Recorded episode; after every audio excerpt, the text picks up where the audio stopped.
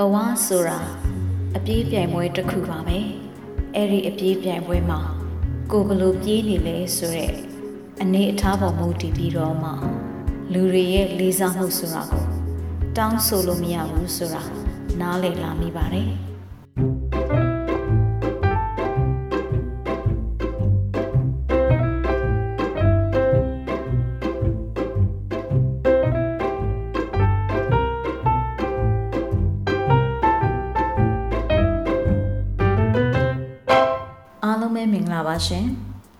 မကတော့ပင်နိုင်တင်ဆက်သူမနွေးဖြစ်ပါတယ်။မိတ်ဆွေတို့ရေဒီပတ်တက်သစ္စာလူငယ်ကဏ္ဍမှာကျမတင်ဆက်ပေးခြင်းတဲ့အကြောင်းအရာကတော့ဘဝဆိုတာအပြေးပြိုင်ပွဲတစ်ခုဆိုတဲ့ခေါင်းစဉ်လေးနဲ့ဖြစ်ပါတယ်။တော်တော်များများလူငယ်တွေကိုကြည့်လိုက်မယ်ဆိုလို့ရှိရင်ဒီကာလမှာအခက်အခဲအကျက်တဲပေါင်းများစွာတွေကနေပြီးတော့မှသူတို့ရဲ့ဥတီယာပန်းနိုင်တစ်ခုအတွက်ပြိုင်ဘက်တွေနဲ့ရှင်ပြိုင်ပြီးတော့မှ အစွမ်းကုန်အားထုတ်ပြီးတော့ပြေးနေကြတာကိုတွေ့ရပါတယ်။ဒါပေမဲ့ကျမမှာအမြဲတမ်းလက်သုံးစကားလေးတစ်ခုရှိတယ်။တယောက်တည်းအောင်မြင်အောင်လုပ်ရတာလွယ်ပါတယ်။အများနဲ့အောင်မြင်အောင်လုပ်ဖို့ခက်ပါတယ်ဆိုတဲ့စကားလေးပါပဲ။အဲ့ဒီခက်တဲ့လမ်းကိုမှကျမဘာကြောင့်ရွေးချယ်ခဲ့လဲဆိုလို့ရှိရင်ကျမဘဝကိုပြောင်းလဲသွားစေတဲ့ပုံမြင်လေးတစ်ပုဒ်ကြောင့်ပဲဖြစ်ပါတယ်။ဒီပုံမြင်လေးကိုကျမစပြီးတော့တွေ့တဲ့အချိန်မှာအထက်ထက်အခါခါကိုနားထောင်နေမိတယ်။ အဲ့ဒီအချိန်မှာရှိနေတဲ့ခံစားချက်ကိုကျမအခုတွေးလိုက်တာအခုပြန်ပြီးရတယ်လို့ခံစားရတယ်။အဲ့ဒါဘာကြောင့်လဲ။အဲ့ဒီပုံမြင်လေးကကျမကိုဘာတွေပြောမှလဲ။ဒီအကြောင်းအရာလေးကိုမိတ်ဆွေတို့ကျမဝေမျှပေးချင်တာဖြစ်ပါတယ်။ကျမကိုယ်တိုင်လည်းကိုယ့်ရဲ့အိမ်မက်တွေစီကိုတခြားသောပြိုင်ဘက်တွေနဲ့ရှင်ပြီးတော့မှအသေးအတန်ပြေးခဲ့ပူပါတယ်။ဒါပေမဲ့အဲ့ဒီတော့ကအောင်မြင်မှုဆိုတာကိုဘာနဲ့သတ်မှတ်ခဲ့လဲဆိုတော့ အနိုင်ရမှုနဲ့ပဲကျွန်မကသတ်မှတ်ခဲ့တာဖြစ်ပါတယ်။တကယ်တော့ကိုယ့်ရဲ့ပြိုင်ဘက်တွေကိုကြော်တက်ပြီးတော့မှအနိုင်ရလာတဲ့အောင်မြင်မှုဟာတကယ်အောင်မြင်မှုအစစ်အမှန်မဟုတ်တယ်လို့ဒါဟာတကူကောင်းဆန်တဲ့အောင်မြင်မှုလို့ပဲကျွန်မကတော့ခံယူမိပါတယ်။ဒါကြောင့်ကျွန်မရဲ့အောင်မြင်မှုဆိုတဲ့အတိုင်းတာသတ်မှတ်ချက်ကိုဒီပုံမြင်လေးကနေပြီးတော့မှအမြင်ပြောင်းလဲပေးလိုက်တာဖြစ်တဲ့အတွက်ကျမဘဝအတွက်တော့ အဖိုးမဖြတ်နိုင်တဲ့ပုံမြင်လေးတစ်ပုဒ်လို့ပြောလို့ရပါတယ်။ကျမရဲ့အတွေးမြင်တွေကျမရဲ့လှုပ်ဆောင်မှုတွေကျမစဉ်းစားတဲ့ပုံစံတွေဘာကြောင့်သူများနဲ့မတူတော့လဲဆိုတာကဒီပုံမြင်ကသက်သေပါပဲ။အဲ့တော့ဘဝဆိုတာအပြေးပြိုင်ပွဲတစ်ခုဆိုတဲ့ဒီပုံမြင်လေးကိုမိတ်ဆွေတို့ကိုဝေမျှပေးချင်ပါတယ်။ One,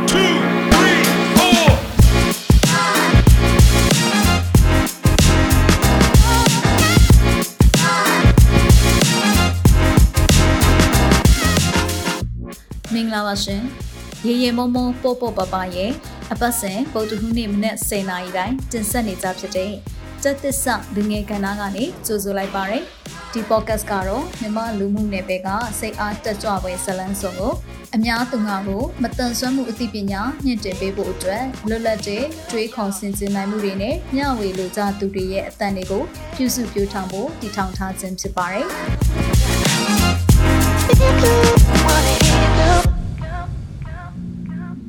တခါတော့ကရွာလေးတစ်ရွာမှာအာကစားသမားလူငယ်လေးတစ်ယောက်နေထိုင်နေ။သူကတကယ်တော့အရန်တော်တဲ့အပြေးသမားတစ်ယောက်ပါ။ဒီကောင်လေးကအောင်မြင်မှုအတွက်အလွန်မဲဆာလောင်ပြီးတော့မှသူ့အတွက်အောင်မြင်မှုဆိုတာဟာအနိုင်ရရှိခြင်းလို့သတ်မှတ်ထားတာဖြစ်တယ်။ဒီနေ့မှာတော့အဲ့ဒီကောင်လေးကရွာမှာကျင်းပတဲ့အပြေးပြိုင်ပွဲတစ်ခုမှာပါဝင်ခဲ့တယ်။အားကစားပွဲကြည့်ရှုဖို့လူအုပ်ကြီးကလည်း စုယုံလာကြတယ်ဒီအခါမှာဒီကောင်လေးဝင်ပြိုင်မယ်ဆိုတာကိုသိတဲ့ပညာရှိတဲ့အဖိုးတယောက်ကသူကိုယ်တိုင်လည်းဒီကောင်လေးရဲ့အောင်မြင်မှုကိုမျက်မြင်သက်သေအနေနဲ့ခံစားခြင်းတဲ့အတွက်ဒီပြိုင်ပွဲကိုအဖိုးကရောက်ရှိလာတယ်အဲ့ဒီပြိုင်ပွဲမှာတခြားကလေးငယ်နှစ်ယောက်နဲ့အတူဒီကောင်လေးကအပြေးပြိုင်ခဲ့တယ်ပြိုင်ပွဲစတင်လိုက်တာနဲ့ပဲသူကတခါတည်းသူ့ရဲ့ ခိုင်မာတဲ့ဆုံးဖြတ်ချက်တွေစွမ်းအားတွေနဲ့ခွန်အားတွေကိုအသုံးပြုပြီးတော့မှ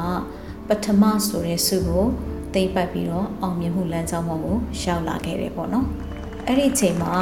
ပြိုင်ပွဲကိုကြည့်နေကြတဲ့လူအုပ်ကြီးကရွှင်မြူးပြီးတော့မှ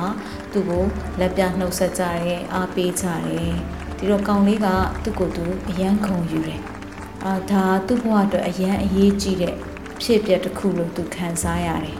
ဒါနဲ့အဲ့ဒီချိန်မှာပညာရှိအဖိုးကြီးကတော့ဘာမှမပြောသေးဘဲနဲ့တီတီငိမ့်ငိမ့်အေးအေးဆေးဆေးနဲ့ပဲသူ့ကိုစောင့်ကြည့်နေခဲ့တယ်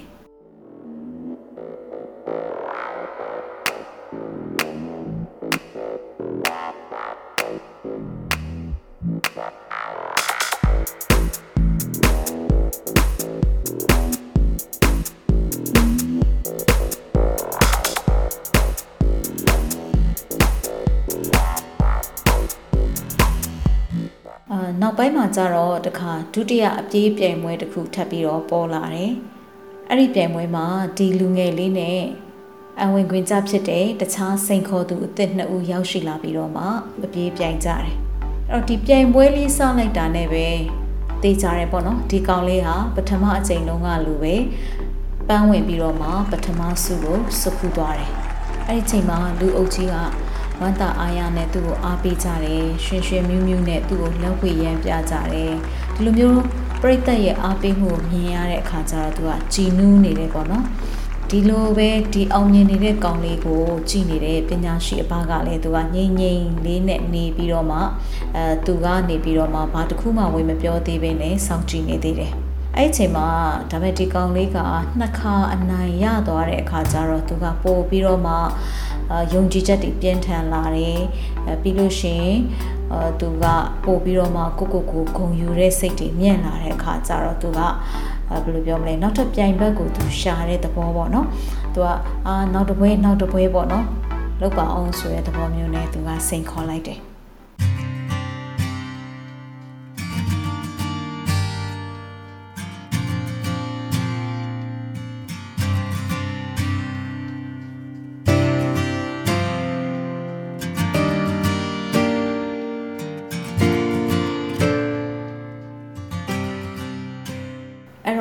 သူအဲ့လိုစိန်ခေါ်နေတာကိုတွေ့တဲ့အခါမှာဒီပညာရှိအဖိုးက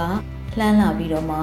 အဲဒီကောင်လေးကိုစိန်ခေါ်သူနောက်ထပ်အသစ်နှစ်ယောက်နဲ့သူကမိတ်ဆက်ပေးလိုက်တယ်အဲ့တော့စိန်ခေါ်သူအသစ်တွေထဲမှာဆိုလို့ရှိရင်တယောက်ကတော့ပိမ့်ပိမ့်ပပအဖွားဦးတူဖြစ်တယ်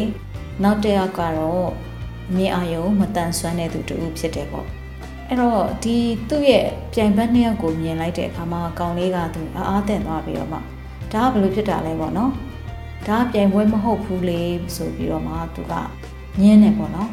အဲ့ခါကျတော့ပညာရှိရဲ့အဖိုးကကြောက်ဒါပြိုင်ပွဲပဲဆိုပြီးသူပြောလိုက်တယ်အဲ့ဒီလိုနဲ့ပဲသူတို့တွေက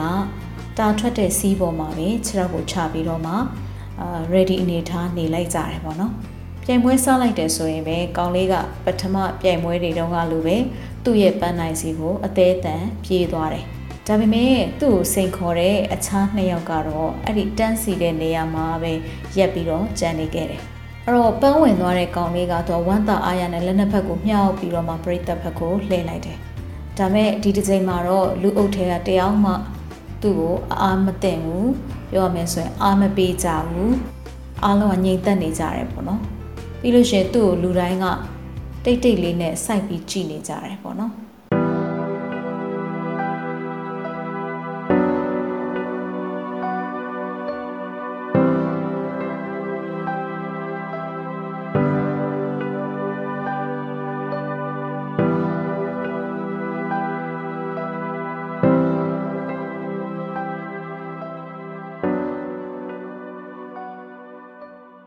ဒီတော့ तू ကဘာဖြစ်တာလဲငါဒီတစ်ခေါက်အောင်မြင်မှုမှာလူတွေကဘာလို့အရင်ကလို့မတက်ကြွကြတော့တာလဲဘာလို့အတူတူမပါဝင်ကြတော့တာလဲဆိုပြီးတော့မှသူကအဖိုးကိုမေးလိုက်တယ်အဲ့တော့ပညာရှိအဖိုးကဘာပြန်ပြောလဲဆိုတော့နောက်တစ်ခါထပ်ပြေးစမ်းတဲ့ဒါပေမဲ့တဲ့ဒီတစ်ခါမင်းတို့၃ယောက်စလုံးအတူတူပြီးအောင်လုပ်ရမယ်ဆိုပြီးတော့မှသူကပြောလိုက်တယ်အဲ့တော့ကောင်လေးကခဏစဉ်းစားလိုက်ပြီးတော့မှ ဒီပြိုင်ပွဲတာထွက်တဲ့နေရာမှာသွားပြီးတော့မှစောစောတော့ကသူ့ရဲ့ပြိုင်ဘက်နှစ်ယောက်ဖြစ်တဲ့အာအင်နဲ့ပါတယ်ပိတ်ပိတ်သွဲသွဲအဖွားအိုနဲ့အမြင့်အာယုံမတန်ဆွမ်းတဲ့သူရဲ့အလဲမှာသူကရက်လိုက်တယ်ပြီးလို့ရှိရင်သူ့ကိုစိန်ခေါ်တဲ့ဒီအဖွားနဲ့အမြင်အာရုံမတန်ဆွမ်းသူနဲ့ကိုသူကလက်တစ်ဖက်တစ်ချက်စီမှာတွဲလိုက်တယ်ပေါ့နော်အပြေးပြိုင်ပွဲစလိုက်တာနဲ့ဒီကောင်လေးဟာ ပန်းဝင်မဲ့မြင်းစီကိုဖြည်းဖြည်းနဲ့ရှောက်ပြီးတော့မှအမြင်အာရုံမတန်ဆွမ်းတဲ့သူနဲ့အာအင်ချီနေတဲ့အဖွားကိုသူကပါအောင်ခေါ်လာခဲ့တယ်နောက်ဆုံးသူတို့ပန်းဝင်သွားတဲ့အချိန်မှာလူအုပ်ကြီးကဝမ်းတာပီတီနဲ့တခါတည်းဝိုင်းပြီးတော့မှအားပေးကြတယ်ပြုံးပြကြတယ်အားပေးကြတယ်လက်ပြနှုတ်ဆက်ကြတယ်အဲ့ဒီချိန်မှာတော့ပညာရှိအဖိုးကပြုံးပြီးတော့မှခေါင်းညှိပြတယ်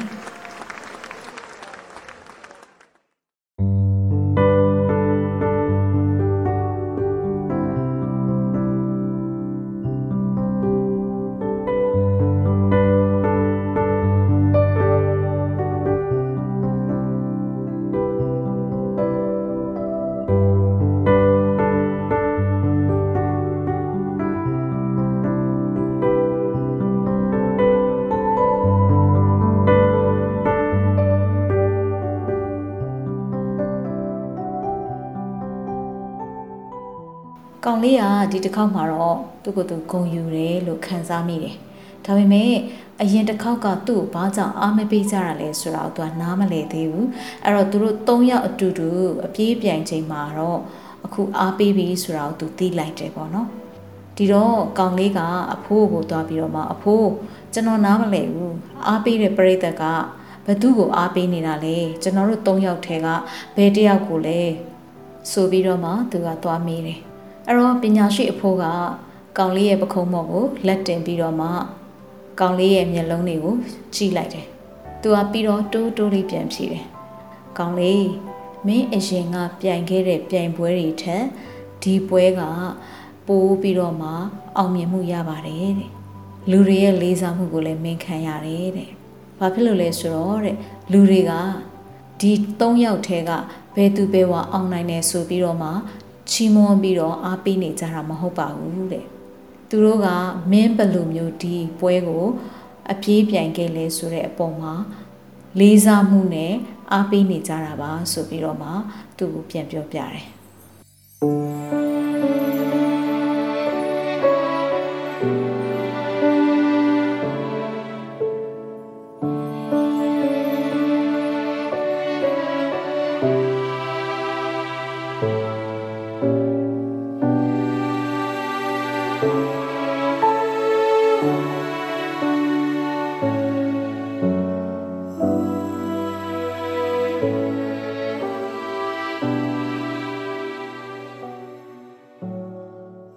အနေနဲ့ဆိုရင်တော့ဒီပုံမြင်လေးကို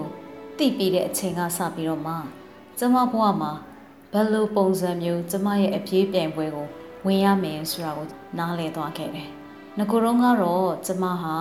ပြိုင်ပန်းလို့သတ်မှတ်နိုင်လောက်တဲ့အနေအထားမှရှိတဲ့ပုံကိုယ်တွေနဲ့ပဲအမြဲတမ်းကိုယ့်ကိုယ်ကိုရှင်ပြိုင်ပြီးတော့မှဘဝဆိုတဲ့ပြေးလန်းပေါ်မှာအားကုန်ရုန်းကန်ပြေးခဲ့မိပါတယ်။ဒါပေမဲ့ ဘာကိုကျမနားလည်သွားလဲဆိုတော့တယောက်တည်းရဲ့အောင်မြင်မှုဟာတစ်ခါတလေမှကိုယ်တယောက်တည်းပဲပီတိဖြစ်ရမယ်မယ်အများအတွက်အကျိုးရှိလားအများအတွက်ပီတိဖြစ်နိုင်လားဆိုတဲ့ဟာကိုပြန်ပြီးတော့မှစဉ်းစားသုံးသပ်ရတဲ့အခြေအနေတွေရှိခဲ့ပါတယ်အဲ့ဒီမှာလေးစားမှုဆိုတာဟာတောင်းဆိုလို့မရဘူးကိုကအရင်နှီးပြုတ်ပြီးတော့မှရယူလို့ပဲရတယ်ဆိုတာကိုကျွန်မသဘောပေါက်လာတယ်ပေါ့နော် အဲ့တော့လူတွေရဲ့လက်ခုပ်တန်တွေမှာကျွန်မတာယာမနေတတ်တော့ဘူးကျမလိုပဲတခြားသောလူငယ်တွေကိုလည်းဒီလိုမျိုးဘဝရဲ့လမ်းကြောင်းပေါ်မှာပြေးတဲ့အခါမှာတကူကောင်းဆန်တဲ့အတွေးအမြင်တွေကိုတယောက်တည်းကောင်းစားဖို့ဥတည်နေတဲ့အတွေးအမြင်တွေနဲ့ပဲပြေးမနေစေချင်တော့ပဲမယ်ကိုယ့်ရဲ့လက်တကမ်းမှာရှိနေတဲ့ပြေးဖို့ခက်ခဲနေတဲ့သူတွေကိုဘယ်လိုပုံစံမျိုးကိုနဲ့အတူပန်းတိုင်ဝင်အောင် ပြေးရမလဲဆိုတဲ့ဟာကိုကျမကောင်းကောင်းသဘောပေါက်နားလည်ခဲ့ပါတယ်အဲ့ဒီအချိန်ကစပြီးတော့မှကျမရဲ့ဖန်တီးမှုလမ်းကြောင်းမှာပဲဖြစ်စေလူမှုရေးကဏ္ဍမှာပဲဖြစ်စေလှုပ်ဆောင်မှုတိုင်းကိုကျမလိုမပြေးနိုင်သေးတဲ့တခြားသောသူတွေကိုလက်တွဲပြီးတော့မှပြေးဖို့အတွက်ကျမဆုံးဖြတ်ခဲ့တာဖြစ်ပါတယ်တကယ်တော့ကျမတို့ရဲ့ပတ်ဝန်းကျင်မှာအားနေတဲ့သူတွေမွတ်သိပ်တဲ့သူတွေ အစွမ်းအစမပေါ်လွင်သေးတဲ့သူတွေလက်လန်းမမိနိုင်တဲ့သူတွေအများကြီးရှိနေပါသေးတယ်ကျမတို့ရဲ့ဘဝပြေးလန်းမှာပဲကျမတို့ရဲ့ဘေလက်နဲ့ညာလက်မှာနိုင်တယ်လို့ဒီလူတွေကိုလက်တွဲခေါ်ပြီးတာကျမတို့နဲ့အတူဘဝဆိုတဲ့အပြေးပြိုင်ပွဲကြီးထဲမှာမမောတမ်းမပန်းတမ်းပန်းနိုင်စီအရောက်လှမ်းဖို့စိတ်ဆန္ဒရှိတဲ့သူတွေကိုလည်းကျမရသလောက်ဆွဲခေါ်သွားချင်ပါတယ်။ ဒါကြောင့်မို့လို့လူငယ်တွေဟာကိုယ့်ဘဝရဲ့ပြေးလန်းပေါ်မှာတယောက်တည်းအောင်မြင်ဖို့တယောက်တည်းနေရရဖို့တယောက်တည်းနာမည်ကြီးဖို့အတွက်ပြေးနေမဲ့အစားကိုယ့်လိုမပြေးနိုင်သေးတဲ့ပြေးဖို့အခွင့်အလမ်းမရှိသေးတဲ့ပြေးဖို့အစွမ်းအစမရှိသေးတဲ့သူတွေကိုတက်နိုင်သလောက်အတူတူပန်းဝင်ရအောင်လက်တွဲပြီးတော့ပြေးကြည့်ကြရအောင်လို့ဒီနေရာကနေတိုက်တွန်းကြပါရရှင်။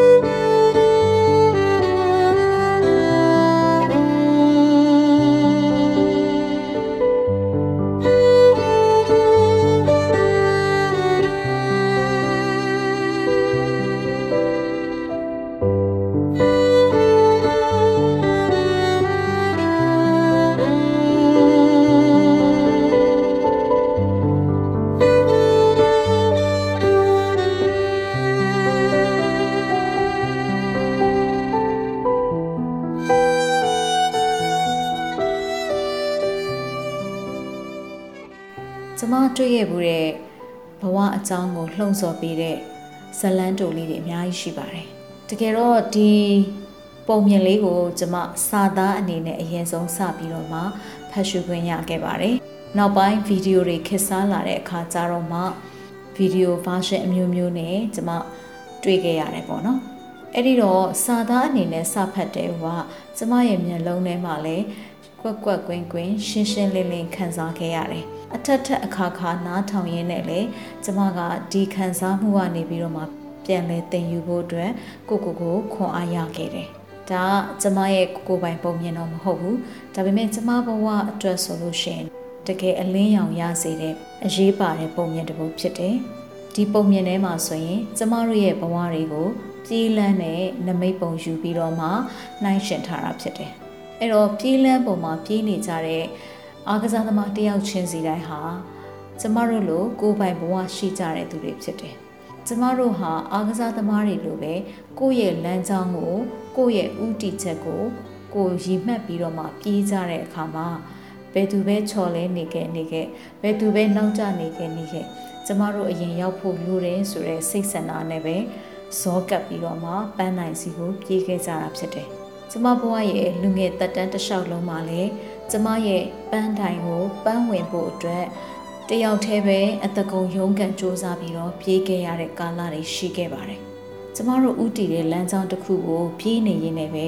ကျမတို့ဟာအရေးကြီးတဲ့အစိတ်ပိုင်းတချို့ကိုမေ့ကြံခဲ့တာမျိုးတွေရှိပါတယ်။အဲ့ဒါကတော့ကျမတို့လိုမပြေးနိုင်တဲ့သူတွေ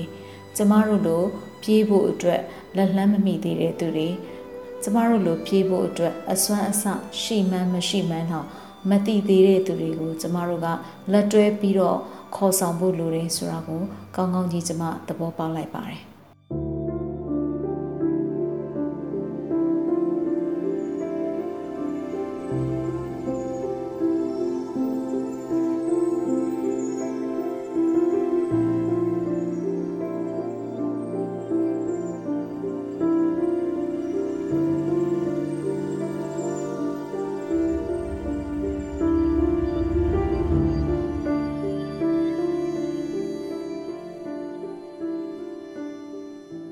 ဖက်ကပြန်စဉ်းစားရင်လေအောင်မြင်တဲ့လူတစ်ယောက်ဖြစ်ဖို့ဆိုတာဟာနေချင်းညချင်းနဲ့ဖြစ်လာတာမဟုတ်ပါဘူးဒါပေမဲ့တော်တော်များများကအောင်မြင်တဲ့နယ်ပယ်တစ်ခုကိုရောက်သွားပြီဆိုရင်ဒါဟာသူတို့ဘဝအတွက်လုံးဝပြည့်စုံသွားပြီလို့ထင်ကြတယ်ဒါပေမဲ့အဲ့အောင်မြင်မှုဟာတဝက်ပဲအောင်မြင်သေးတယ်ဒါမှမဟုတ်နည်းနည်း selfish ဖြစ်တယ်ပေါ့နော်တကူကောင်းဆန်တဲ့အောင်မြင်မှုပဲရှိသေးတယ်လို့ကျွန်မကတော့သတ်မှတ်တယ်ဘာဖြစ်လို့လဲဆိုတော့ မိမိကိုယ်ကိုအောင်နိုင်ခြင်းတနည်းအားဖြင့်မိမိရဲ့ပန်းနိုင်ကိုရှာဖွေတွေ့ရှိခြင်းဟာကျမတို့ဘဝတစ်ခုလုံးနဲ့နှိုင်းစာလို့ရှိရင်အောင်မြင်မှုအကြီးမားဆုံးရာခိုင်နှုန်းအပြည့်မဟုတ်သေးပဲနဲ့ရာခိုင်နှုန်းတချို့တစ်ဝက်သာဖြစ်တယ်။ဒါကြောင့်မို့လို့အကြီးမားဆုံးအောင်မြင်မှုဆိုတာဘာလဲဆိုတော့ကိုယ့်လိုမျိုးအခွင့်အလမ်းမရှိသေးတဲ့သူတွေကိုယ့်လိုမျိုးအခွင့်အလမ်းမသိသေးတဲ့လူတွေကိုယ့်လိုမျိုးအခွင့်အလမ်းကိုလက်ဆုပ်လက်ကင်ရပြီးတော့မှ အောင်မြင်မှုပန်းနိုင်စီကိုမဝင်နိုင်သေးတဲ့သူမျိုးတွေကိုကိုယ့်လိုဖြစ်အောင်ပြန်ပြီးတော့မှလှုပ်ဆောင်ပေးခြင်းဟာပို့ပြီးတော့မှပြည့်စုံတဲ့အတိတ်ပဲပြည့်ဝတဲ့အောင်မြင်မှုတစ်ခုဖြစ်တယ်ဆိုတာကိုကျွန်မနားလည်လက်ခံလိုက်တဲ့အချိန်အစပြီးတော့မှကျွန်မရဲ့အောင်မြင်မှုဆိုတာကိုဖန်ဆုပ်ဖို့အတွက်ပြေးနေတဲ့ခြေလမ်းတွေဟာလမ်းကြောင်းပြောင်းခဲ့တယ် ပြီးလို့ရှိရင်ကျွန်မရဲ့အောင်မြင်မှုပေါ်မှာရှုမြင်သုံးသပ်မှုတွေဟာလမ်းကြောင်းပြောင်းခဲ့တယ်အဲ့ဒီအရွယ်ဟာကျွန်မဘဝရဲ့လူငယ်အရွယ်ကိုကြော်သွားပြီးမှကျွန်မဒါကိုသိခဲ့ရတာဖြစ်တယ်အဲ့တော့လူငယ်အရွယ်ကိုအခုအချိန်မှာဖြတ်တန်းနေကြတဲ့သူတွေအနေနဲ့ဒါကိုစောစောစီးစီးသိနိုင်မယ်ဆိုလို့ရှိရင်ပိုးပြီးတော့အကျိုးများမယ်ပို့ပြီးတော့မှဘဝရဲ့အတိတ်ပဲပြေဝတဲ့အောင်မြင်မှုတွေကိုရရှိနိုင်မယ်လို့ကျွန်မယုံကြည်တယ်။ဒါကြောင့်မို့လို့ကျွန်မဒီအကြောင်းအရာလေးကိုဝေမျှပေးရခြင်းဖြစ်တယ်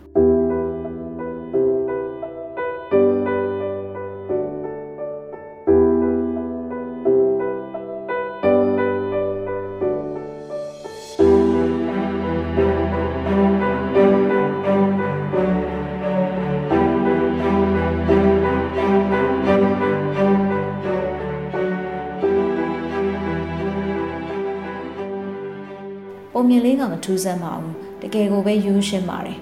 ဒါပေမဲ့ဒီပုံမြင်ကပေးလိုက်တဲ့အနှစ်သာရကတော့ကျမတို့ဘဝအတွက်အပြောင်းအလဲကြီးကြီးမားမားကို ဖြစ်စေတာအမှန်ပါပဲ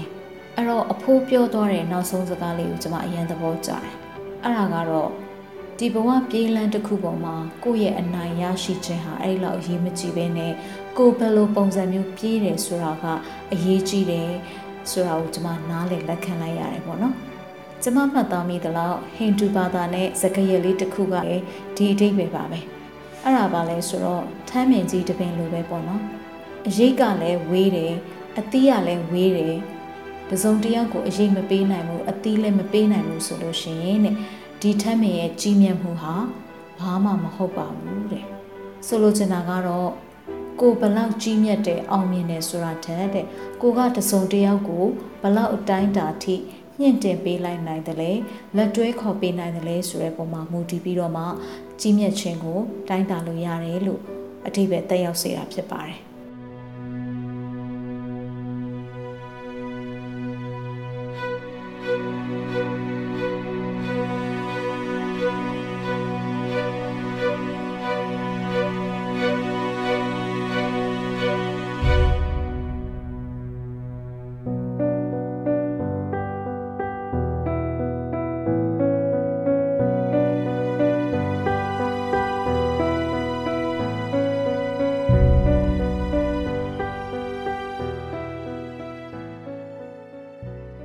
ဒါပေမဲ့ကျမတို့တခြားသော အကောင်းမြင်တဲ့ရှုမြင်ပုံတွေနဲ့ကျမတို့ရှုမြင်ကြည့်မယ်ဆိုလို့ရှိရင်ကျမတို့ရဲ့ဘဝမှာရှိတဲ့ရည်မှန်းချက်တွေအိမ်မက်တွေနောက်ကိုကျမတို့အပြေးအလွှာလိုက်ကြတဲ့အခါမှာကျမတို့အဲ့လိုလိုက်နိုင်ဖို့အတွက်ကျမတို့ကနောက်ကနေပြီးတော့မှပံ့ပိုးပေးကြတဲ့သူတွေရှိတယ်။ကွယ်ကာပေးကြတဲ့သူတွေရှိတယ်။အထောက်အမပေးကြတဲ့သူတွေရှိပါတယ်။အဲ့တော့ဒီလူတွေဟာလည်းကျမတို့ပြေးပွဲမှာ ပြေးနိုင်ဖို့အတွက်အထောက်ပံ့ပေးတဲ့အရေးကြီးတဲ့သူတွေဖြစ်ပါတယ်။ဆိုလိုချင်တာကတော့လူငယ်တွေမှာဆိုလို့ရှိရင်လေသူတို့ရဲ့မိဘတွေညီကိုမောင်နှမတွေဆွေမျိုးအတိုင်းဝိုင်းတွေဇနီးခင်မောနေနောက်ဆုံးသားသမီးတွေကအစားပေါ့နော်ဘလောက်အတိုင်းတာထိကိုယ့်ရဲ့သက်ဆိုင်သူအပေါ်မှာပူပေါင်းပါဝင်မှုအားပေးချီးမြှောက်မှုရှိတယ်လဲဆိုတာအရင်အရေးကြီးတဲ့အချက်ဖြစ်ပါတယ် ဒါမှသာလျှင်ကျမတို့ကတလှမ်းပြီးတလှမ်းပန်းနိုင်တဲ့နီးအောင်ခြေလန်းလှမ်းနိုင်မှာဖြစ်ပါတယ်။နောက်တစ်ခုကကြတော့ကျမတို့ရဲ့ပြိုင်ဘက်တွေဒီပြိုင်ဘက်တွေကိုလည်းကျမတို့ရဲ့မျက်လုံးထဲကနေထုတ်ပြရမယ်လို့ဆိုလိုတာမဟုတ်ပါဘူး။စီးပွားရေးမှာပဲဖြစ်စေလူမှုရေးမှာပဲဖြစ်စေပညာရေးမှာပဲဖြစ်စေအမှုပညာမှာပဲဖြစ်စေအမျိုးမျိုးသောကဏ္ဍတွေမှာကျမတို့မှာပြိုင်ဘက်တွေရှိပါတယ်။ပြိုင်ဘက်ဆိုတာကတစ်ဖက်ကကိုယ့်ကိုရှင်ပြိုင်လာတာကို တီးလို့ပြိုင်ဘက်အဖြစ်လက်ခံလိုက်ရတာမျိုးရှိသလိုကိုကနေပြီးတော့မှတခြားတယောက်ယောက်ကိုရှင်ပြိုင်ခြင်းစိမ့်နဲ့နှိုင်းရှင်ပြီးတော့မှသတ်မှတ်ထားတဲ့သူမျိုးကိုလည်းပြိုင်ဘက်လို့ဆိုလိုချင်တာဖြစ်ပါတယ်။ဘယ်သူဘက်ကပဲသတ်မှတ်ပါစေပြိုင်ဘက်ရဲ့လို့ဖြစ်လာပြီဆိုလို့ရှင်ကိုကသူ့ကိုနိုင်ချင်တာပဲ။ဒါပေမဲ့တခါလေမှပြိုင်ဘက်တွေကိုရှုံးနှိမ့်လိုက်တယ်လို့ထင်ရတဲ့အခါတွေရှိသလိုတကယ်ရှုံးနှိမ့်သွားတဲ့အခါတွေလည်းရှိပါတယ်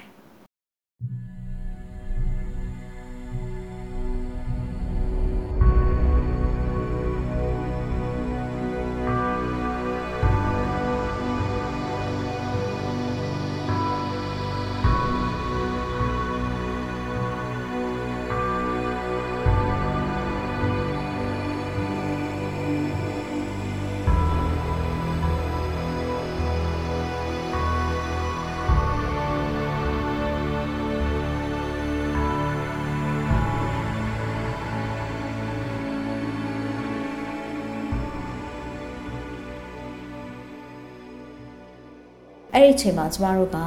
lesson learn လို့ခေါ်တဲ့အဲ့ရှုံးနေခြင်းကနေပြန်လဲသင်ယူနိုင်မှုတွေမရှိဘူးဆိုရင်တော့ကျမတို့တွေဟာကြိတ်မနိုင်ခဲမရတွေအခဲမကြေတာတွေနာကြီးခြင်းတွေမုန်းတီးခြင်းတွေနဲ့ကျမတို့ကိုကျမတို့ချီနှောင်မိတတ်ပါတယ်အဲ့ဒါဆိုလို့ရှိရင်တော့မိတ်ဆွေဟာရှေ့ဆက်သွားဖို့ရှေ့ဆက်ပြေးဖို့အတွက်အမတန်ကိုအားအင်နေသွားပြီးတော့မှဒါမှမဟုတ်မိတ်ဆွေဟာအားအင်ပြည့်နေအောင်မယ်ဆိုရင်တော့မှဒီချီနှောင်ခြင်းတွေမုန်းတီးခြင်းတွေ အခဲမကြေခြင်းတွေကမိတ်ဆွေရဲ့ခြေထောက်တွေကိုပို့ပြီးတော့မှလေးလံသွားစေတဲ့အလေးတုံးတွေနဲ့ကြိုးချီထားသလိုဖြစ်စေပါတယ်။ဒါကြောင့်မလို့ကျမတို့ရဲ့ပြိုင်ဘက်တွေကိုကိုကနိုင်သည်ဖြစ်စေရှုံးသည်ဖြစ်စေအလွယ်တကူလက်ခံနိုင်ဖို့လိုသလိုကိုနိုင်ခဲ့တဲ့အခါမှာလည်းပြိုင်ဘက်ကိုအနိုင်မကျင့်ဖို့လိုသလိုကိုရှုံးခဲ့တဲ့အခါမှာလည်းပြိုင်ဘက်ကိုနားလေပြီးတော့မူတည်တာပွားပေးတတ်ဖို့လိုပါတယ်။ အဲ့ဒီလိုမှမဟုတ်ရင်တော့ကျမတို့ဘဝဟာပြေးပွဲမှာမောတာထက်ပို့ပြီးတော့မှမောစရာတွေပေါ်လာပါလိမ့်မယ်။တကယ်တော့ပြိုင်ဘက်ကောင်းနေရှိခြင်းဟာကျမတို့ရဲ့စိတ်ခံစားမှုတွေကိုတန်ပါစေတယ်။ကျမတို့ရဲ့စ조사ခြင်းစိတ်တွေကိုတိုးပွားစေတယ်။ကျမတို့ရဲ့အရှုံးပေးခြင်းစိတ်တွေကိုလျော့ပါသွားစေတယ်။ဒါကြောင့်မလို့ပြိုင်ဘက်တွေရှိခြင်းဟာလေကျမတို့ရဲ့ကြီးပွဲမှာပို့ပြီးတော့မှ တက်လုံကောင်းစီဖို့အတွက်အထောက်ပံ့ကောင်းနေဖြစ်ပါတယ်။ဒါကြောင့်မလို့ပြိုင်ဘက်ဟာအသုံးချတတ်မယ်ဆိုလို့ရှိရင်ကျမတို့ကိုပို့ပြီးတော့မှအောင်မြင်ရေးစိတ်သက်တည်တက်ကြွစေတဲ့စေးဘက်ဝင်တဲ့မိတ်ဆွေကောင်းတွေပဲဖြစ်ပါတယ်။နောက်တစ်ခုကကြတော့ကိုကပြိုင်ဘက်ကိုတရားသောနီးလန်းနဲ့ပြိုင်တတ်ဖို့လိုပါတယ်။ကိုကဖြက်လန်းနီးလန်းနေမတမာတဲ့နီးလန်းနေတုံးပြီးတော့မှအနိုင်ယူမယ်ဆိုရင်တော့ကိုယ့်ရဲ့အောင်မြင်မှုကိုယ့်ရဲ့အနိုင်ရမှုဟာလည်းမြင့်မြတ်တန့်စင်မှာမဟုတ်ပါဘူး ဒါကြောင့်မို့လို့ကိုကကိုယ့်ရဲ့ပြိုင်ဘက်ပေါ်မှာတန်ရှင်းတဲ့နီးတမာတမတ်ကြတဲ့နီးတနည်းအားဖြင့်မညစ်ပတ်တဲ့နီးလန်းနေနဲ့အကောင်းဆုံးအနိုင်ယူတတ်ဖို့လိုပါတယ်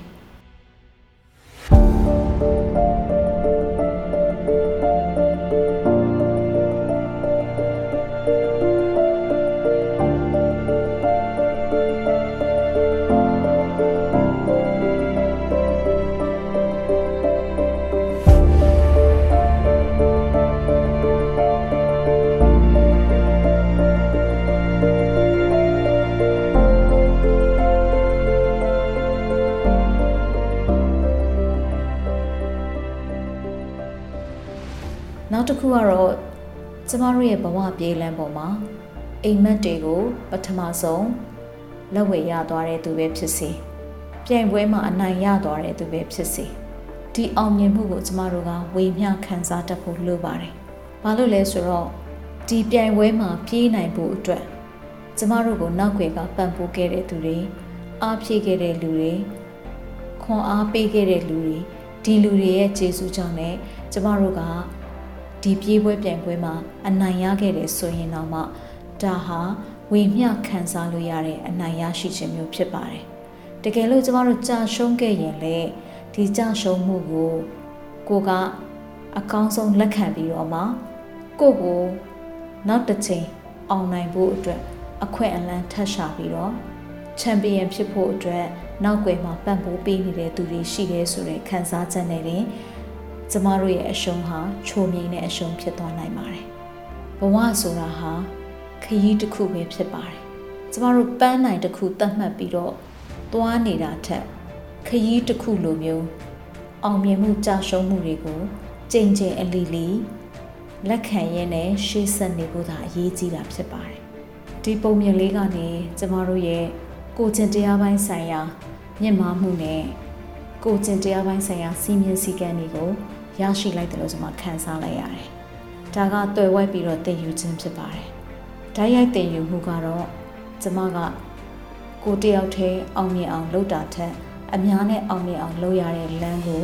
ရွေးချယ်ဖို့အတွက်ဆုံးဖြတ်ခဲ့တာဖြစ်ပါတယ်။ဒါကြောင့်မို့လို့လူငယ်ဘဝတုန်းကသာကျွန်မကြိုပြီးတော့ဒီပုံမြင်ကိုသိခဲ့ရမယ်ဆိုရင်ပို့ပြီးတော့မှကျွန်မဒီထက်လုံနိုင်မယ်လို့ခံစားမိတယ်။ဒါဟာနောင်တတော့မဟုတ်ဘူး။ဒါပေမဲ့ နောက်ပြန်စုပ်လို့မရတော့တဲ့အချိန်တွေကိုကျမတို့အကျိုးရှိရှိသုံးဖို့အတွက်အတိနောက်ကျလေခြင်းဆိုတဲ့ကိုယ့်ရဲ့စိတ်ကိုဘဝပြေးလန်းပေါ်ကတက်လုံကလူငယ်တွေထက်ပို့ပြီးတော့မှနှစ်ဆဖြစ်အောင်ကျမစူးစမ်းတယ်။တဒီအချိန်မှာလူငယ်တွေနဲ့ရှင်ပြီးတော့ကျမအလုပ်လုပ်နိုင်တယ်။ဘာလို့လဲဆိုတော့ကျမလူငယ်အချိန်တုန်းကဒီပုံမြင်ကိုမသိခဲ့ရတဲ့အတွက်ကြောင့်ဖြစ်တယ်။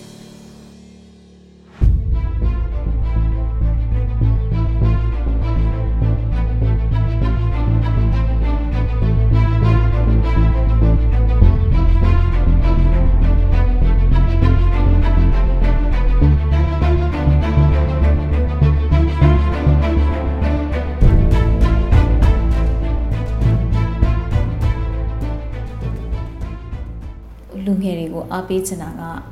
ဒီပုံမြင်လေးကိုကိုကဒီနေ့ဒီအချိန်မှာသိပြီဆိုလို့ရှိရင်ကိုကိုကိုပြန်ပြီးတော့မှအာမနာတန်းလဲဝေဖန်သုံးသက်ကြည့်စေချင်ပါတယ်ဒီနေ့ခေတ်ကာလကဘလောက်ပဲကိုအတွက်ခဲရင်ဆိုးရုံမှုတွေရှိနေပါစေကိုရဲ့ဥတီချက်ကိုကိုဘလောက်ပဲပြေးနေပါစေကိုရဲ့ရီမှန်းချက်တွေအိမ်မက်တွေနောက်ကိုကိုဘလောက်ပဲတက်လုံကောင်းကောင်းနဲ့လိုက်နေပါစေအနောက်ကလေးကိုတစ်ချက်လောက်ပြန်လှည့်ကြည့်ပါလို့ ကျမတို့ရဲ့နောက်မှာဟော်ရီကနားထောင်နေတဲ့လူငယ်တွေရဲ့နောက်မှာ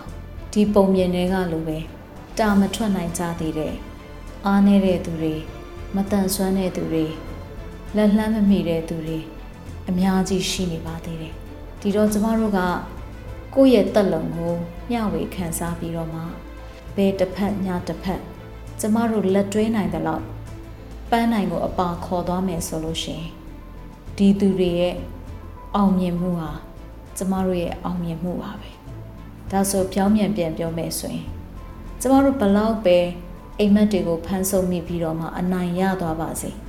တာမထွက်နိုင်သေးတဲ့လူတွေရှိနေသေးသေး၍ကျမတို့ရဲ့အောင်မြင်မှုဟာစစ်မှန်တဲ့အောင်မြင်မှုမဟုတ်သေးပါဘူးရာဂိုင်နှုန်းအပြည့်အဝအောင်မြင်နေတဲ့အောင်မြင်မှုမျိုးမဟုတ်သေးပါဘူးဒီတော့ကျမတို့တာထွက်ခဲ့တဲ့နေရာကိုတစ်ချက်ပြန်ကြည့်ဖို့လိုပါတယ် တာမထွက်နိုင်သေးတဲ့သူတွေကိုကျမတို့လက်တွဲခေါ်ဖို့လိုပါတယ်။ဒါမှသာလျှင်ကျမတို့လူငယ်တွေတော်တော်များများဟာအတူတကွပန်းနိုင်ကိုအရောက်ခြေလှမ်းနိုင်မှာဖြစ်ပါတယ်။ဒီပုံမြင်လေးကိုကျမတို့ရဲ့ဘဝမှာကဏ္ဍအသီးသီးကဏ္ဍအရရက်မှာထည့်သွင်းပြီးတော့မှစဉ်းစားပြီးအသုံးချလို့ရပါတယ်။နားထောင်နေကြတဲ့သူတယောက်ချင်းစီတိုင်းရဲ့ရည်ရွယ်ရာပန်းတိုင်နဲ့အိမ်မက်တွေဟာတူချင်မှတူကြပါလိမ့်မယ်။ ဒါပေမဲ့ဒီပုံမြင်လေးရဲ့သဘောတရားကတော့အတူတူပါပဲမိတ်ဆွေတို့ကျမတို့ဘလောက်ပြေးနိုင်တယ်လဲ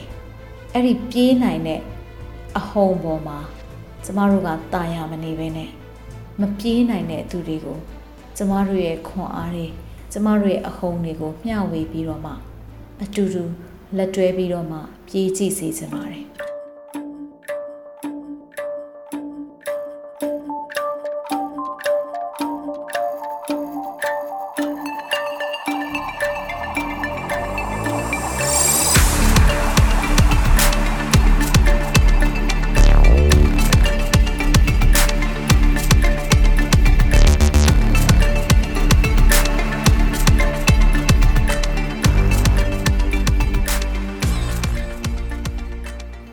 တို့တက်သစ္စာလူငယ်ကဏ္ဍမှာဆိုလို့ရှိရင်လေမတန်ဆွမ်းလူငယ်တွေနဲ့လက်တွဲအလုပ်လုပ်ရတာရှိတယ်။လူငယ်အသက်အရွယ်ကိုကြော်သွားပြီးတော့မှလူငယ်ကဏ္ဍမှာပြန်ပြီးတော့မှပါဝင်ဖို့အတွက်ဖိတ်ခေါ်ရတဲ့ဧည့်သည်တင်ဆက်သူတွေလည်းရှိပါတယ်။ခေါင်းစဉ်ကတက်သစ္စာလူငယ်လို့ဆိုပေမဲ့လူငယ်တွေပဲပြောရမယ့်အစီအစဉ်မဟုတ်ပါဘူး။မကြခင်မှာလူငယ်ဘဝကုံဆုံးတော့မယ့်လူတွေလည်းပြောလို့ရတယ်။လူငယ်ဘဝကိုအခုမှစပြီးတော့ ခြေချတဲ့သူတွေလည်းပြောလို့ရတယ်။လူငယ်ဘဝကိုကြော်လွန်ပြီးတော့မှလူငယ်ဘဝမှာဘယ်လိုစူးစမ်းအားထုတ်ရင်ရတယ်။ဘယ်လိုမျိုးလက်ဟာမှုတွေရှိခဲ့လို့ပြုပြင်သင့်တယ်ဆိုတာမျိုးကိုပြန်ပြီးတော့မှဝေမျှပေးနိုင်တဲ့လူကြီးဖြစ်နေတဲ့သူတွေကိုလည်းကျမတို့ဧည့်သည်တင်ဆက်သူအနေနဲ့ဖိတ်ခေါ်ပါတယ်။အဲ့တော့ကျမအားပေးချင်တာက peer to peer ပေါ့နော် လူငယ်အချင်းချင်းလည်းအပြန်အလှန်ခွန်အားပေးဖို့လိုတဲ့ကာလဖြစ်ပါတယ်လူငယ်အသက်အရွယ်ကျော်သွားတဲ့သူတွေကလည်းလူငယ်တွေကိုပြန်ပြီးတော့မှခွန်အားပေးဖို့လိုပါတယ်ဒီပုံမြင်လေးကနေပြီးတော့မှကိုဘာသိလိုက်လဲဘာရလိုက်လဲဘာသင်ယူလိုက်ရလဲဘာကိုသဘောပေါက်သွားပြီဘာဆက်လုပ်မလဲဆိုတာကိုကောင်းကောင်းတွေးတောချင့်ချိန်တတ်တဲ့လူငယ်တွေအများကြီးပေါ်ထွက်လာဖို့အတွက်ဒီအစီအစဉ်ကနေပြီးတော့မှကျမ ပုံမြင်လေးကိုဝေမျှပေးတာဖြစ်ပါတယ်။စိတ်စိတ်တွေးရေးရေးပေါ်ဆိုတဲ့အတိုင်းပဲတေးသေးချာချာပုံမြင်လေးကိုခန်းစားကြည့်ပါဒီပုံမြင်လေးကနေပြီးတော့မှကျမတို့ရဲ့လှုပ်ဆောင်မှုတွေကျမတို့ရဲ့ခံယူချက်တွေကျမတို့ရဲ့အတွေးအမြင်တွေကျမတို့ရဲ့ရှုမြင်သုံးသက်ပုံတွေအကုန်လုံးကိုပြောင်းပြန်လှန်ပစ်လိုက်ပါလိမ့်မယ်ဒါကျမကိုတွေးမှုလို့အခုလိုမျိုးပြောပြနေတာဖြစ်ပါတယ်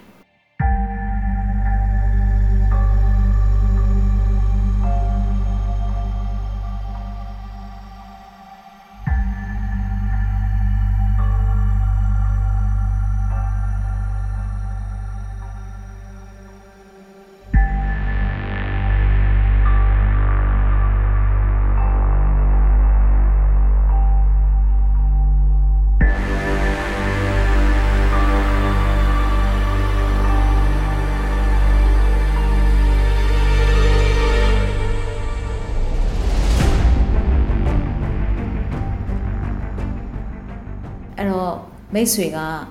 ကိုတယောက်တည်းအောင်မြင်ရင်ဂျင်းနဲ့နေပြီလားကိုတယောက်တည်းနာမည်ရရင်ဂျင်းနဲ့နေပြီလားကိုတယောက်တည်းအဆင်ပြေနေရင်ဂျင်းနဲ့နေပြီလားအဲ့ဒီလောက်နဲ့ဂျင်းနဲ့နေမယ်ဆိုရင်မိတ်ဆွေကတကူကောင်းစိတ်တက်လေးနည်းနည်းရှိနေပါသေးတယ်အဲ့ဒီတကူကောင်းစိတ်တက်ကလေးကိုပြေအဝပေဖြောက်ဖို့အတွက်ဆိုရင်ကျမတို့ရဲ့ဘဝပြေးလန်းပေါ်မှာကျမတို့လိုတာမထွက်နိုင်တဲ့လူတွေကိုပြန်ပြီးလက်တွဲခေါ်ကြရအောင်လားလူငယ်အချင်းချင်းလဲ လမ်းပြပေးကြပါငါကရှေ့ရောက်နေပြီဆိုပြီးနောက်ရောက်တဲ့သူတွေကိုလှည့်မကြည့်ပဲမနေပါနဲ့အဲ့ဒီလိုလှည့်မကြည့်ရင်မိတ်ဆွေဟာအမတန်ကိုရက်ဆက်တဲ့သူလို့ကျွန်မသုံးသပ်မိပါတယ်လူတိုင်းမှာဖြတ်တန်းလာရတဲ့ဘဝအနေအထားချင်းမတူပါဘူးငယ်ငယ်တော့ပြည့်ပြည့်စုံစုံနဲ့ဖြတ်တန်းလာရတဲ့သူတွေရှိတယ်လို့ခက်ခက်ခဲခဲကြက်ကြက်တဲတဲနဲ့ရုန်းကန်ခဲ့ရတဲ့သူတွေရှိပါတယ်ကျမတို့ဆိုရင်ဒုတိယအမျိုးအစားဖြစ်တဲ့ ခက်ခက်ခဲခဲကြက်ကြက်တဲတဲနဲ့ရုန်းကန်ခဲ့ရတဲ့သူအမျိုးအစားတွေမှာပါပါတယ်။ဒါကြောင့်လဲကျမဟာအိမ်မက်တွေကိုအမိအရာဖမ်းဆုပ်ဖို့အတွက်နောက်လှည့်မကြည့်တဲ့ပြေးခဲ့မိတာဖြစ်ပါတယ်။ကျမရဲ့လူငယ်တက်တန်းကြော်တော့မှဒီပုံမြင်ကကျမရဲ့အတွေးမြင်တွေကိုပြောင်းပေးလိုက်တဲ့အခါမှာ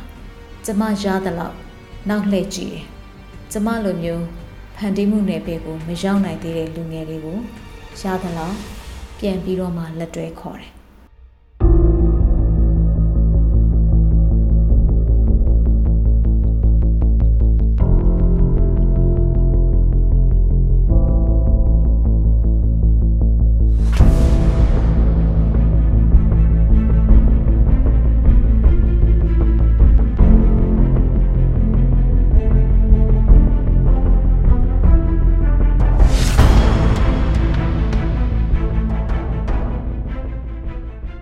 ဒီချိန်မှာကျမကိုကြော်တက်သွားတဲ့ပြိုင်ဘက်တွေအများကြီးရှိပါတယ်။ဒါပေမဲ့ကျမကျေနပ်တယ်။ဘာလို့လဲဆိုတော့ကျမရဲ့လက်သုံးစကားလေးအတိုင်းပါပဲ။တယောက်တည်းအောင်မြင်အောင်လုပ်ရတာလွယ်ပါတယ်။အများနဲ့အောင်မြင်အောင်လုပ်ရတာခက်ပါတယ်။ဒါပေမဲ့ကျမခက်တဲ့လမ်းကိုပဲရွေးခဲ့ပါတယ်။ဘာလို့လဲဆိုတော့ကျမတို့နိုင်ငံမှာဘယ်နယ်ပယ်မှာပဲကြည်ကြည်တာမထွက်နိုင်တဲ့သူတွေအများကြီးရှိပါသေးတယ်။အဲ့ဒီတာမထွက်နိုင်သေးတဲ့သူတွေထဲမှာ မတန်ဆွမ်းလူငယ်တွေလည်းပါပါတယ်။ဒါအပြင်တခြားသောထိခိုက်လွယ်အုပ်စုတွေထဲမှာလည်းတာမထွက်နိုင်ကြသေးတဲ့လူတွေအများကြီးရှိပါတယ်။မိတ်ဆွေကဘယ်ခန္ဓာမှာပဲကျင်လဲနေနေကိုယ့်ရဲ့နောက်ကိုလှည့်ကြည့်လိုက်တာနဲ့တာမထွက်နိုင်သေးတဲ့သူတွေကိုမိတ်ဆွေသတိထားမိပါလိမ့်မယ်။အဲ့ဒီသူတွေကိုရသလောက်မိတ်ဆွေလက်တွဲခေါ်ကြည့်ပါ။ဒီနေ့သူတို့အောင်မြင်မှုဟာမိတ်ဆွေရဲ့အောင်မြင်မှုဖြစ်လာပါလိမ့်မယ်။ပုံမြင်တွေကအဖိုးပြောသွားတယ်လို့ပါပဲ။ ဒီပြိုင်ပွဲမှာဘယ်သူကအနိုင်ရသွားတဲ့သူဆိုပြီးအားပေးကြတာမဟုတ်ပါဘူးဘယ်လို့အနိုင်ရအောင်လုပ်သွားတယ်လဲဆိုတဲ့ပုံမှာမူတည်ပြီးပဲအားပေးကြတာဖြစ်ပါတယ်ကျမရဲ့ဒီနေ့ဝေမျှမှုကနေမိတ်ဆွေအတွက်ခွန်အားတစ်စုံတရာဖြစ်သွားစေမယ်လို့ယုံကြည်မျှော်လင့်ပါတယ်ရှင်ဒီနေ့အစီအစဉ်ကိုဒီလောက်နဲ့ပဲနားခွင့်ပြုပါအားလုံးကိုကျေးဇူးတင်ပါတယ်ရှင် Three,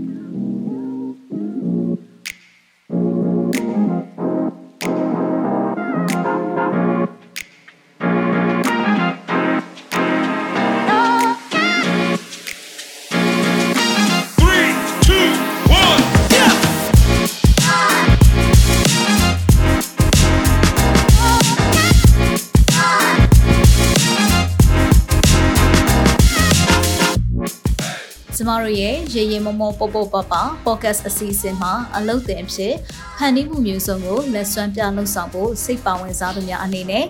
Google Form ကနေပြီးတော့မှမိမိတို့ရဲ့မှတ်ပုံတင်ရှင်းနှောင်းနဲ့အလှတက်ပုံတစ်ပုံအပြင်နမူနာလက်ရာတစ်ခုနဲ့အတူအမြင့်ဆုံးရှောက်ထားဖို့ဖိတ်ခေါ်လိုက်ပါတယ်။နောက်ပတ်ဗုဒ္ဓဟူးနေ့မနက်10:00နာရီမှာပြန်ဆောင်ကြရအောင်နော်